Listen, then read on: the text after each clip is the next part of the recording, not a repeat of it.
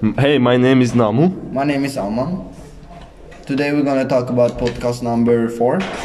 The theme behind the film is uh, about uh, prostitution, killing, uh, poverty, child abuse, rape, love, and the film I think uh, will tell us that uh, even if you are poor, you can become a millionaire.